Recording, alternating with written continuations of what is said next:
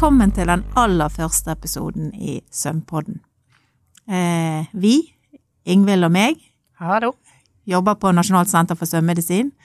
Og hva er vel mer naturlig enn å invitere sjefen som den aller første gjesten i Søvnpodden? Sjefen over alle sjefer. Eh, Bjørn Bjorvatn. Lege, professor og hele Norges ekspert på søvn. Sant, sjefen? Takk, takk. Velkommen. Takk. Ja, eh, og det er jo sånn at søvn er viktig for oss som jobber med det, men det er òg viktig for de aller, aller fleste. For alle sover, og mange opplever å ikke sove så godt. Eh, så det skal vi snakke litt om i denne episoden. Søvn er viktig for alle, eh, og i, samfunnet så snakker vi ofte om at søvn skal prioriteres, men så er det ikke alltid sånn. Eh, for vi hører mye oftere om at kosthold er viktig, og aktivitet og trening er viktig, mens vi mener jo kanskje at det viktigste blir utelatt. Så jeg tenkte jeg skulle innlede spørsmålet til deg, Bjørn. Hva, hva tenker du om det? Nei, du er jo inne på noe veldig viktig. Det er veldig fokus på mosjon og kosthold, som er veldig viktige ting, selvfølgelig. Men, men søvn blir veldig ofte utelatt uh, i ulike setninger. F.eks. når man snakker om å forebygge sykdom, så snakker man om hvor viktig det er med mosjon og kosthold. Men det er veldig sjelden man tar inn søvn som en av de, eller kanskje den viktigste av alle tingene. For jeg pleier å si når jeg underviser, altså hvor, uh, hvor viktig er mosjon? Kan man gå en uke uten mosjon? Kan man gå en uke uten å trene? Og da tror jeg de fleste vil være enig i at jo, det, det går greit, det. Men, men å gå en uke uten søvn, det lar seg ikke gjøre. Så bare det indikerer jo at det er viktig med søvn. Eh, kosthold, selvfølgelig veldig viktig. Eh, men hvor mye tid bruker vi på å spise i løpet av en dag? Kanskje en time, kanskje en to. Men vi hadde ikke klart oss med en time og to med søvn. Vi må ha mye mer søvn. Faktisk er søvn såpass dominerende del av vårt liv at når man blir 60 år, som jeg er blitt, så har jeg sovet rundt 20 år av mine 60 år. Det er egentlig litt trist å tenke på. Ja, og, og det med trening og, og mosjon. Vi forsker en del på eh, skoleelever og søvn. Og på skolen så har man gymtimer, og man har mat og helses eget fag. Skal vi få oss et søvnfag? ja, det hadde kanskje vært en idé å prøve å si iallfall litt om søvn, hvor viktig det er å understreke prioritere søvn. Så det er jo ikke sammenlignbart med å ha en gymtime, men, men, jeg tror kanskje folk forstår eh, poenget vårt med at det er eh, for lite fokus på søvn. Men det, nå snakker du om prioritere søvn, men så er det jo noen som prøver å prioritere søvn, og så får ikke de helt til å sove. Nei, og det er litt spesielt med søvn. I motsetning til nesten alle andre ting, så er det ikke slik at du kan bli god på å sove ved å prioritere det, eller tenke på det, eller prøve. Altså Skal du bli god til å spille fotball og skyte frispark, så ser du på Ronaldo. Skal du bli god til å spille sjakk, så ser du på Magnus Carlsen.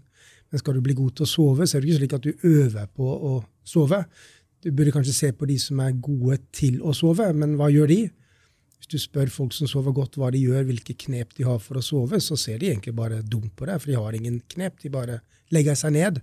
Så noe av clouet bak søvn er jo at man må ikke fokusere på det. Da blir det vanskelig. Jeg kan ikke se for meg noe mer frustrerende hvis du skal bli god på å sove og sitte og se på noen som er god til å sove. Men det er kanskje en fin ting å øve, da. Å ligge i sengen og, og prioritere og, og, og, slappe av. Ja, Men, Det er jo en av bakgrunnen for at, at, mange, at, et av de viktigste rådene er jo at hvis du ikke får sove, skal du stå opp igjen. Du skal ikke bli liggende der. Nettopp fordi det, du klarer ikke å bestemme deg for å sove. Du klarer ikke å si til deg selv at nå skal jeg sette en ny innsovningsrekord. Med en gang du begynner å tenke sånn, så tar det lengre tid, og det blir vanskeligere. Ja, Og da kommer du jo inn på, på eh, søvnproblem, eller søvn som et problem. Eh, kanskje du kan si litt om hvor mange som har søvnproblemer, og Og hvem som har søvnproblemer? Ja, eh, søvnproblemer er et av de vanligste folkehelseproblemene vi har. Og Det kommer jo litt an på hvordan man spør, da. men men generelt sett så, så, er det jo slik at de aller fleste har opplevd en dårlig natt i ny og ne. Jeg vil faktisk hevde det såpass at det å gå gjennom et helt liv uten en eneste dårlig natt er, er utenkelig. Men så er det jo de som sliter ofte, og de som sliter hele tiden. Eh, og vi deler gjerne inn søvnproblemer om du har hatt problemer i mer enn tre måneder, eller under, tre måneder. Og er det over tre måneder, så kalles det et kronisk søvnproblem. Og så finnes det en haug av forskjellige spørreskjemaer for å kartlegge søvnproblemet. men men insomni er kanskje den regnes som en veldig vanlig plage. og Da svarer rundt 25% altså én av fire, at de har kroniske søvnplager. Ja, og- veldig hyppig. Og insomni det er et søvnproblem der du sliter enten med å sovne, eller at du våkner mye. Ja, og i tillegg til å ha et problem om natten, så skal du også oppleve at det får konsekvenser på dagtid. Så hvis man ikke har konsekvenser på dagtid, så vil ikke man kalle det insomni. Nei, så det er helt normalt å ha litt søvnproblemer innimellom. Vi skal ikke stresse av den grunn. Eh, Nei, det er et godt spørsmål. Altså, har man bare en natt i ny og ne, så er det kanskje ikke noe grunn til å stresse, iallfall. Og iallfall ikke hvis man har en klar forklaring på det. Men, men hvis ting vedvarer, så vil jeg jo tenke at det kanskje er noe å, å tenke på og gjøre noe med. Men er søvn en skjør funksjon, eller vil du si det er en robust funksjon? Nei, altså, jeg vil nok si at det er en skjør funksjon, i den forstand at det skal gjerne ikke så veldig mye til for at søvn blir forstyrret. Men så er vi jo veldig forskjellige som personer. Noen er jo veldig robuste, kan man si, slik at man, man tåler ganske mye før man merker det som et problem, mens andre er sårbare, og det skal ikke mye til. Det kan være en krangel med samboer eller en negativ melding på mobilen, så ryker den natten, liksom. Mens andre kan jo bo tett innpå en flyplass med høy dur hver eneste natt uten at de blir affisert. Så vi er veldig forskjellige i det vi kaller sårbarhet. Men det vi sier, er jo at hvis man sover eh, Hvis man f.eks. har problemer med å sovne inn på kvelden, men likevel føler seg ganske frisk og rask på dagtid, så er det ikke et problem. Nei, jeg tenker at hvis man ikke føler at man har nedsatt dagfunksjon, så, så skal man ikke fokusere på det som er problemet. Og insomni, som vi snakket om, eh, er jo en, er noe som skal ha en dagtidsnedsettelse. Skal man, man skal være trett, uoppmerksom, konsentrasjonsvansker. Hvis man opplever dagen helt fin, så er det ikke et problem. Sa du, sa du hvor mange som eh, pleide å som sliter med Altså, kroniske plager det sier vi da gjerne hos én av fire. Eh, og det er de som rapporterer problemet. Men så har vi jo andre søvnsykdommer som egentlig kan være ganske skjult. F.eks. søvnapné, eh, som da handler om å stanse og puste om natten. Og noen av de som har det, har jo ikke symptomer i det hele tatt. Slik at minst én av fire har da et kronisk søvnproblem. Minst én av fire. Men jeg vet at eh, det ble gjort en gøy studie eller undersøkelse på, på et legekontor, og det var jo langt mer enn 25% der, sant? Ja, Det var blant de som kom på legekontoret, fastlegekontoret. Da, når man først går til lege, så har man jo gjerne et problem. Enten at man har et fysisk problem eller en psykisk problem, eller et eller annet som gjør at man oppsøker lege. Og blant de som satt på venterommet, der var det faktisk 50% altså én av to, halvparten av alle pasientene, innfridde da sånne kriterier som vi sier, til å ha kroniske søvnplager. Men etter 40 år med skolegang og flere jobber og flere barn, så vet jo jeg ærlig talt ikke lenger hva som er min nulltilstand. Åssen vet du egentlig det? Nei, altså Det er et godt spørsmål. Men hvis du syns dagene går greit, du sitter ikke og sliter med å holde deg våken, eh, du fungerer ok, så tenker jeg at da er det greit nok. Du skal ikke liksom legge listen på noe annet nivå. Alle er jo trøtte i løpet av dagen, eh, og gjesper kanskje litt òg, men, men hvis du opplever at du ikke klarer å gjøre de tingene du bør gjøre, eller kan gjøre, på jobb eller privat, så kan man lure på hvorfor. Og det trenger ikke være et søvnproblem som forklarer det, det kan være mye annet. Men hvis du opplever dårlig søvn og nedsatt dagfunksjon, altså du opplever at ikke dagen er som den skal være, så, så bør man kanskje se på det og se på om man kan gjøre noe med det. Og det betyr vel ikke heller at eh, sånn som han jeg bor med, som setter pris på ti minutter cowboystrekk eh, på sofaen etter middag, eh, har han nedsatt funksjon fordi om han, han tillater seg det når han har tid. Eh, Du tenker på høneblund her, om Ja. det er ut, et uttrykk for et problem? Nei, ja, høneblund trenger ikke bety at man har et problem. Men det kan jo være et uttrykk for at man har sovet litt for lite om natten, at man trenger å ta seg inn igjen. Og det er jo helt greit, hvis man syns det er ok å dele søvn opp i to. Men har man først et søvnproblem om natten, så er jo høneblundet på dagtid noe av det første vi anbefaler å fjerne. Jeg synes uttrykket høneblunder er vittig. Vi må finne en erstatning for det. Ja, Men det trenger ikke gå på podkasten. Ungdommene sier napp. Ja. Ja, De snakker engelsk. de snakker engelsk. Ja. Ja. Men, men eh, eh, 25% er det likt for kvinner og menn? Nei, altså hvis vi ser på den vanligste søvnlidelsen som kalles insomni, det er der gjerne disse tallene hentes fra, så er det vanligere hos kvinner enn hos menn. Eh, Og det har vært ganske tydelig i, i forskning fra en rekke land, slik at kvinner har mer sårbarhet for å få insomnisymptomer enn menn. Ja, det er ikke bare det at vi klager mer. Det har jeg fått høre. Det er et godt spørsmål. Eh, Når man ser på søvn og søvnlengde, så sover faktisk eh, eh, menn litt kortere enn kvinner. Så sånn sett skulle man jo tro at det var menn som klagde, men, men det er ikke det. Så eh, Forklaringen kan man sikkert diskutere mye, men, men erkjennelsen er at det er kvinner som iallfall klager over at de sover dårlig mer enn menn. Men hva med, med, med alder, da? Er det Ja, det er spennende. fordi i alle studier kan du si, fra gammelt av har det vist at det blir vanligere med søvnproblemer jo eldre man blir. Mens de nye undersøkelsene som vi har gjort her i Norge, peker på en endring i det. At nå er det særlig de unge hvor søvnproblemer har økt. De eldre har søvnproblemer like mye som før, men de unge har fått en veldig klar økning i problemer. Og Det tror vi jo kan ha litt med det sosiale presset, med bekymringer de har nå rundt eh, krig i Europa, eh, grønne skifte, miljøproblematikk, eh, vil de leve lenge osv. At kanskje det kan være med å forklare det. Iallfall så ser vi at unge mennesker klager nå over søvnproblemer mer, og faktisk hyppigere hos unge enn hos eldre nå i de, i de siste undersøkelsene. Da har vi på en måte vært igjennom at det, det er mange som sliter med, med søvnproblemer. Eh, men vi har kanskje ikke snakket så mye om hva, hva det mest typiske er. Hva er det man sliter med? Er, hvordan eh, kommer det til uttrykk? Altså, Søvnproblemer kan være så mangt, men, men det, enten har man innsovningsproblemer, problemer med å på en måte lande liksom, og, og sovne, men så er det også de som har problemer med at de våkner mange ganger opp i løpet av natten, eller at de bare våkner tidlig om morgenen. Eller det som kanskje er mest typisk hos de som er mer kronisk insomni, at de har problemer med alle disse tre. De både problemer med å sovne, men også at de våkner i løpet av natten flere ganger. Så Det er liksom det nattlige eh, aspektet. På dagtid så er det forskjell om man er trøtt, søvnig, uoppmerksom, hukommelsesproblemer, grinete, depressiv osv. Så, videre. så det er masse symptomer som kan på en måte henge sammen med dårlig søvn. Og hvis man da sliter med å få sovne, hva er tipset ditt? Hvis jeg sliter med å sovne, hva skal jeg gjøre? Hvem skal, kan jeg gjøre noe sjøl? Må jeg kontakte legen min? Ja, Det er jo ikke veldig lurt å bare bli liggende der og vri seg og bli mer og mer frustrert. Da tenker man at man på sikt iallfall kan risikere at, at eh, seng og søvn blir enda dårligere koblet sammen. Så Derfor er gjerne anbefalingen å heller stå opp igjen og være oppe til man igjen blir søvnig, og så prøve på nytt. Men det er klart, hvis man sliter med å sovne eller med søvn generelt over tid, så anbefales det å oppsøke hjelp. Og da er gjerne fastlegen første instans for å på en måte se om det kan være noen forklaringer der. og eller så er det jo på en måte å gå videre til eh, spesialisert helsepersonell. Og så finnes det jo informasjon på hjemmesiden våre, sovno.no, som gir informasjon om, om, eh, hva som kan være til hjelp. Og det finnes også en undersøkelse man kan ta der man trykker gjennom en del svar og får automatisk tilbakemelding på hvilken diagnose som er sannsynlig. For det er jo slik at søvnproblemet er så mangt. Det finnes over 50 ulike diagnoser, og de behandles forskjellig, naturlig nok. Det er jo derfor det kalles diagnoser. Slik at det er jo viktig å vite at man behandler den rette lidelsen. Og så finner vi på våre nettsider og på mange andre steder på nettet så finner vi såkalte søvnhygieneråd, som er råd om hvordan man kan ha god søvn.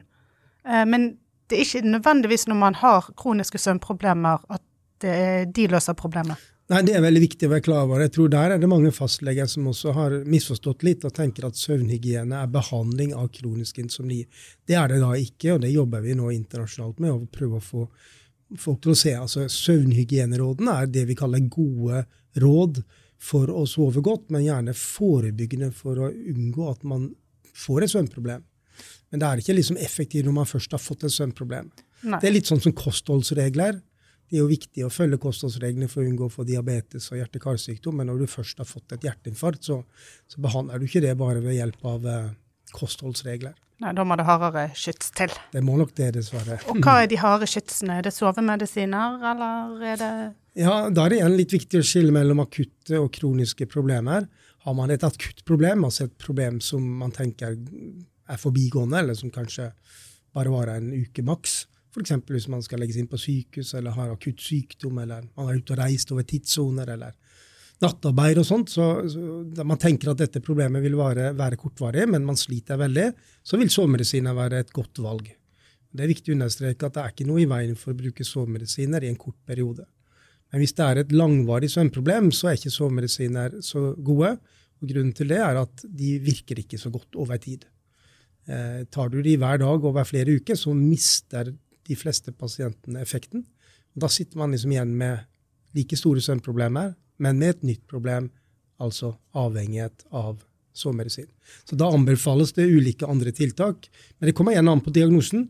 Vi har jo snakket mye om insomni, og da behandles det i, med noe som heter kognitiv atferdsterapi for insomni. Som vi kanskje skal lage en episode om en annen gang. Det tror jeg vi kan fylle minst en hel episode med. Ja.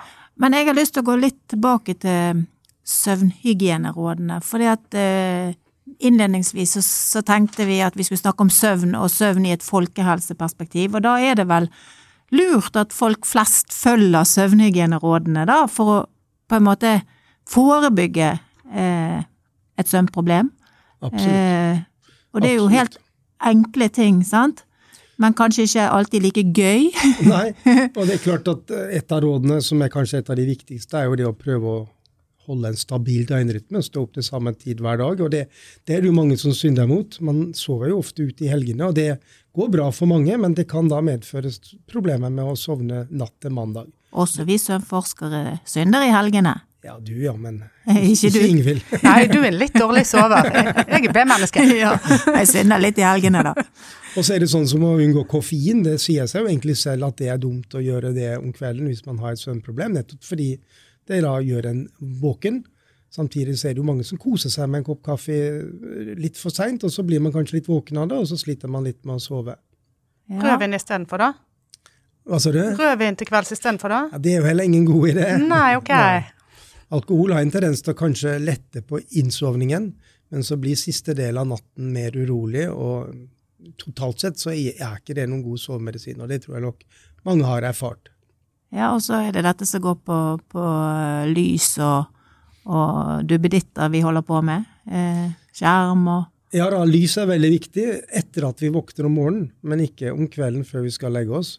Det betyr at skal vi eh, bli våkne, så vil jo lys gjøre oss våkne, men lys vil jo da ikke være gunstig å ha mye av det om kvelden før vi skal legge oss. Og da, mobilen har vært mye fokus på om det er lyset fra mobilen er problemet. Jeg tror det er litt overdrevet. Mye fordi at de aller fleste mobiler nå har du såkalt uh, night shift, eller du kan skru av lyset, det blå lyset, om, om, kvelden. Så det er ikke der problemet ligger. Problemet med mobilen er jo mer det du ser på mobilen. Uh, hvis du på en måte opplever å få uheldige meldinger, meldinger som slenger dritt om deg, eller du leser nyheter at nå har Russland invadert Finland, eller Finnmark for den saks skyld, så blir man urolig og får ikke sove.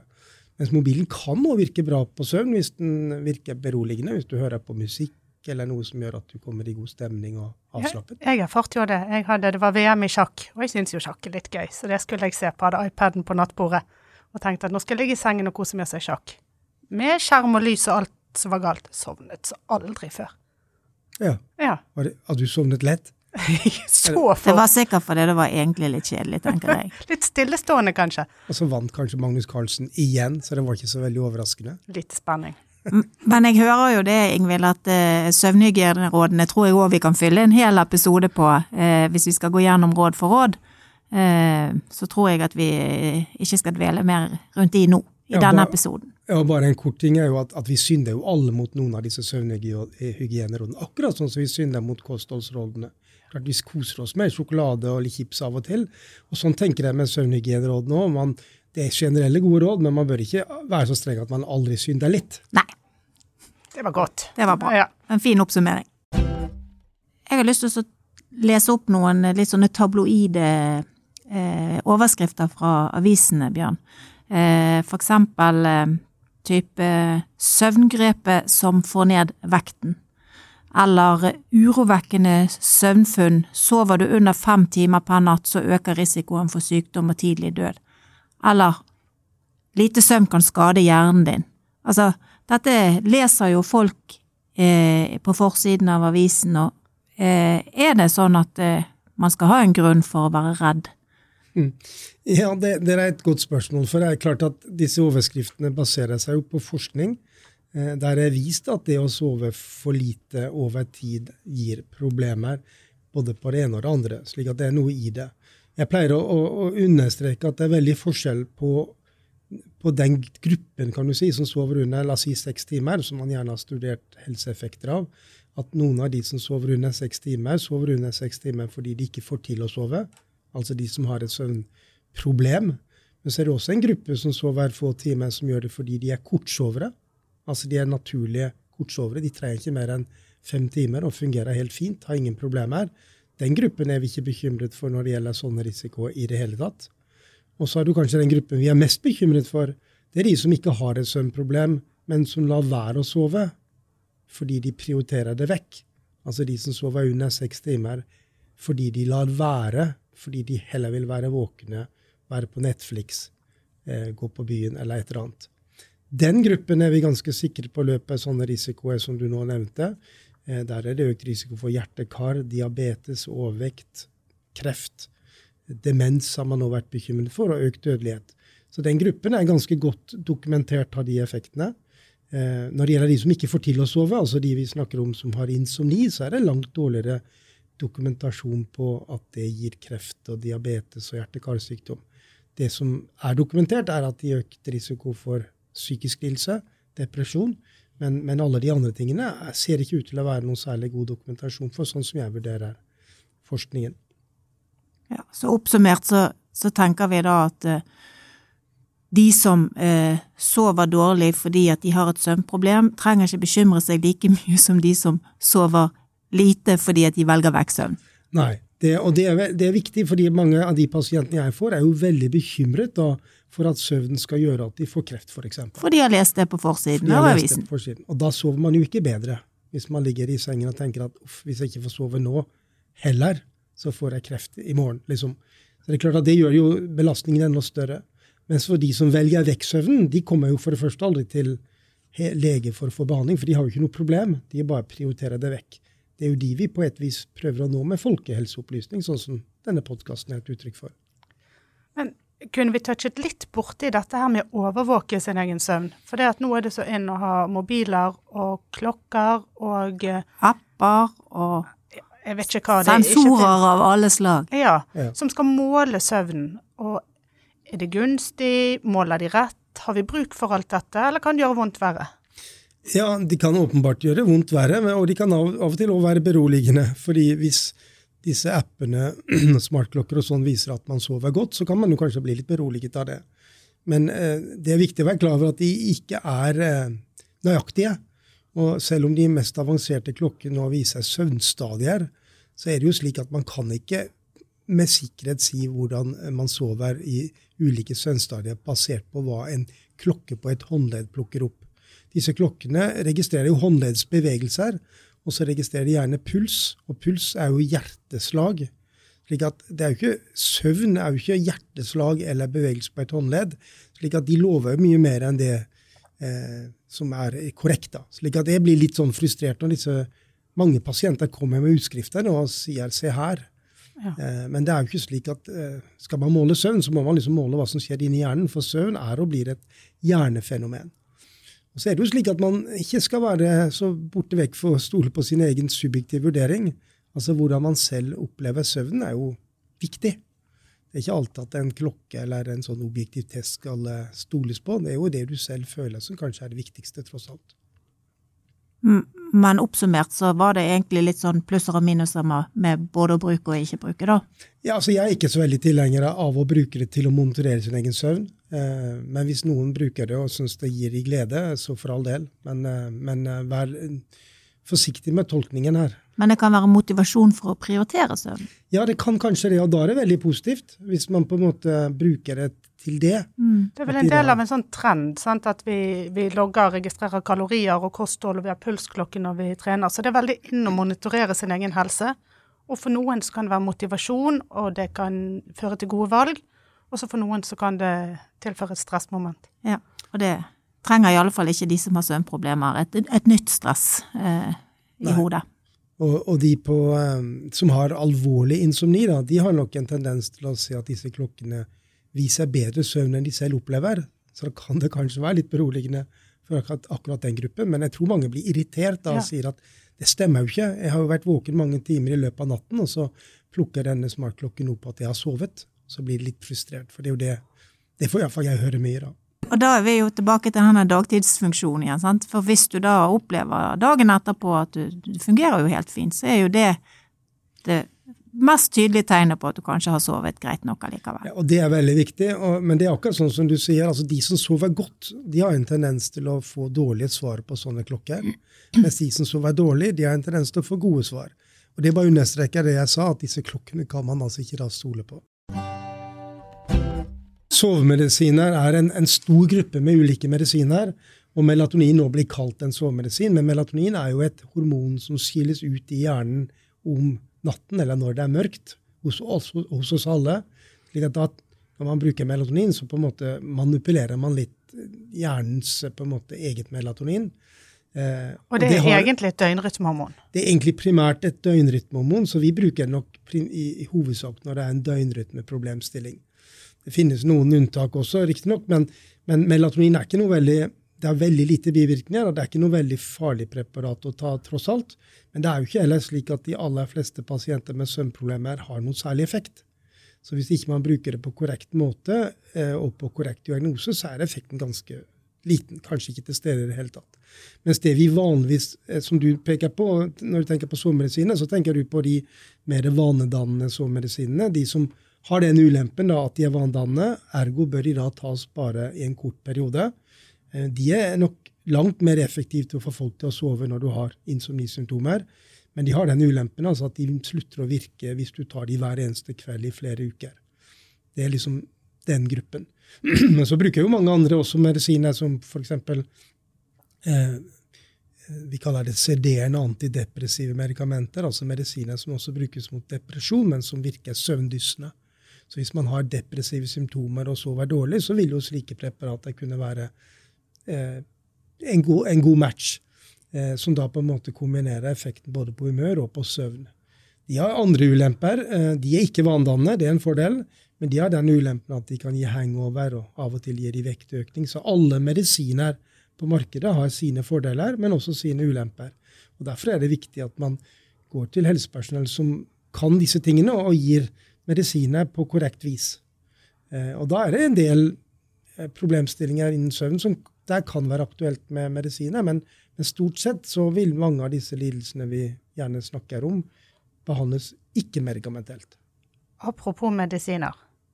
Vet du hvorfor svensken lister seg forbi medisinskapet? Nei. Sånn at jeg ikke skal vekke sovemedisin. Nå har vi snakket veldig mye om insomni, som da er en av de vanlige søvnsykdommene. Men det er ikke den eneste søvnsykdommen? Nei, altså det finnes faktisk over 50 ulike diagnoser. Og så deler vi gjerne inn i seks hovedgrupper. Det interessante er at pasienten kommer gjerne på legekontoret med dårlig søvn og dårlig dagfunksjon ved alle disse søvnlidelsene. Men det er veldig viktig da å stille riktig diagnose, fordi poenget med å stille disse diagnosene er jo at behandlingen er veldig forskjellig. Den er egentlig ekstremt forskjellig mellom de ulike seks diagnosegruppene. Og insomni, som vi har snakket mest om, er en diagnosegruppe som da behandles med kognitiv atferdsterapi for insomni, som er en ikke-medikamentell, såkalt psykoterapeutisk tilnærming. Men så har vi døgnrytmelidelsene. Ja, de er jo jeg opptatt av. Det er du opptatt av, sant? Og det, er, det som skiller de fra insomni, er vel egentlig kort fortalt at disse pasientene sover egentlig ganske godt, men på feil tid av døgnet. Så det er ikke egentlig noe i veien med selve søvnen, sånn som det er ved insomni, men det er plassering av søvnen i forhold til døgnets 24 timer. Og da er det jo klart man må håndtere det på en helt annen måte? Ja, da bruker vi lysterapi eller melatonin til å flytte litt på døgnrytmen. Og så har du kanskje den andre gruppen som er kanskje like hyppig som insomni. Det er søvnapnegruppen, de som stanser å puste om natten. Eh, og Det er en veldig dramatisk, alvorlig lidelse, og der ser vi en overhyppighet blant menn. Mens insomni hadde overhyppighet blant kvinner. slik at det er litt forskjellig kjønnsperspektiv her. Og behandlingen er jo helt annerledes. Der er behandlingen helt annerledes. Hovedbehandlingen der er en såkalt maskebehandling, en CPAP, som gir et overtrykk, slik at man holder ja. luftveien åpen. Og søvnapne det er en søvnsykdom som er assosiert med snorking. Sant? Så det har noe med, med litt tette luftveier når man ligger og sover ja, snorking er et ganske vanlig symptom, men så lenge det er lyd, så er det gjerne ikke så ille problemet når det ikke blir lyd, for da er det jo pustestopp. Ja. Og det er egentlig det vi er mest opptatt av, i forhold ikke snorkingen, men når det er pustestopp. Og jeg kan røpe at vi skal ha en hel episode bare om det. Sant. Det er en veldig viktig og spennende diagnose.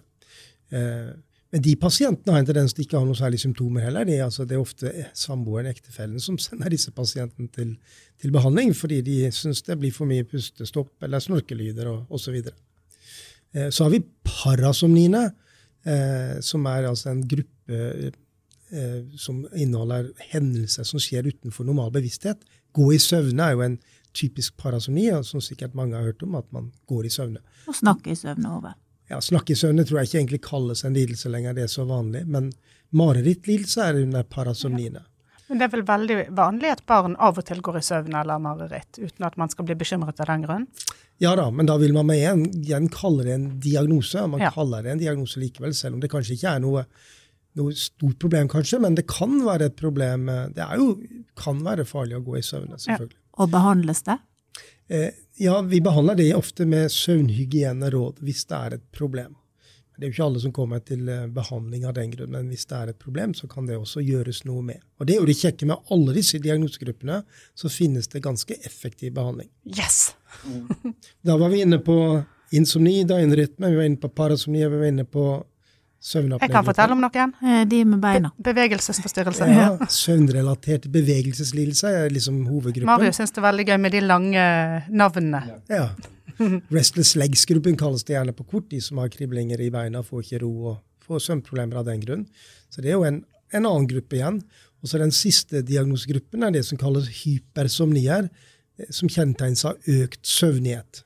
De sover også ofte dårlig om natten, men hovedsymptomet er at de er så søvnige på dagtid at de sovner. Altså en uimotståelig søvntrang, som da er selvfølgelig veldig alvorlig i forbindelse med bilkjøring osv. Ja. Narkolepsi er kanskje den mest kjente diagnosen innenfor den gruppen. Og alle disse diagnosene blir jo da behandlet forskjellig, men symptomene pasienten kommer til eh, helsepersonell med, er ganske lik. eh, Og eh, da er det viktig at man gjør grundig diagnostikk. Så da har fastlegen en viktig jobb her, da, eller? Veldig viktig rolle sant, i å, å behandle likt. Det vi dessverre ser, er jo at alle disse pasientene som kommer gjerne med søvnproblemer, får gjerne sovemedisiner.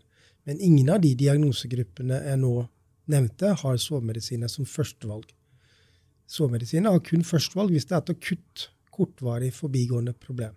Og Det er jo også interessant når er det et problem, eller når er det en diagnose. Eh, og Der finnes det ikke noen sånne veldig klare regler på det. Så jeg tenker nok at hvis pasienten, eller hvis en person opplever søvnen som et så stort problem at det går utover livsførsel og, og glede ved livet, så ville nok jeg tenke at man ville putte en diagnose på det og behandlet det. Ja. Men hvis man syns dette her er til å leve med, at det er ikke noe big deal, så selv om man sover dårlig i ny og ne, så, så ville jeg ikke kalt det en diagnose. Nei, og så er det vel kanskje noe på en del av disse lidelsene, noe med varighet. Altså Du sier jo det at alle i perioder har litt problemer med søvn. Stresset for eksamen eller er midt i et eh, samlivsbrudd. Ja, altså Problemet skal ha vart i minst tre måneder hvis man skal tenke at dette her er en sånn av disse diagnosekategoriene. Men så kommer det gjerne en sånn eh, slengkommentar på slutten av en fastlegekonsultasjon. Det ja, forresten jeg sliter med søvnen òg. Har du et råd til fastlegene som kanskje hører på podkasten òg? Ja da, det er typisk akkurat det at da vil gjerne ha fornyet sin resept på sovemedisin. og Da vil jeg nok anbefale fastlegen å si at dette her er jo et alvorlig problem, særlig hvis de bruker sovemedisin, at vi setter av en egen time til akkurat det. Og sier til pasienten da at skal vi ikke gjøre det, så har vi et fokus på det. Og kanskje da deler ut en søndagbok som man kan laste ned fra hjemmesiden eh, sovno.no, vår hjemmeside her, og be pasienten fylle ut denne søndagboken til neste gang de kommer.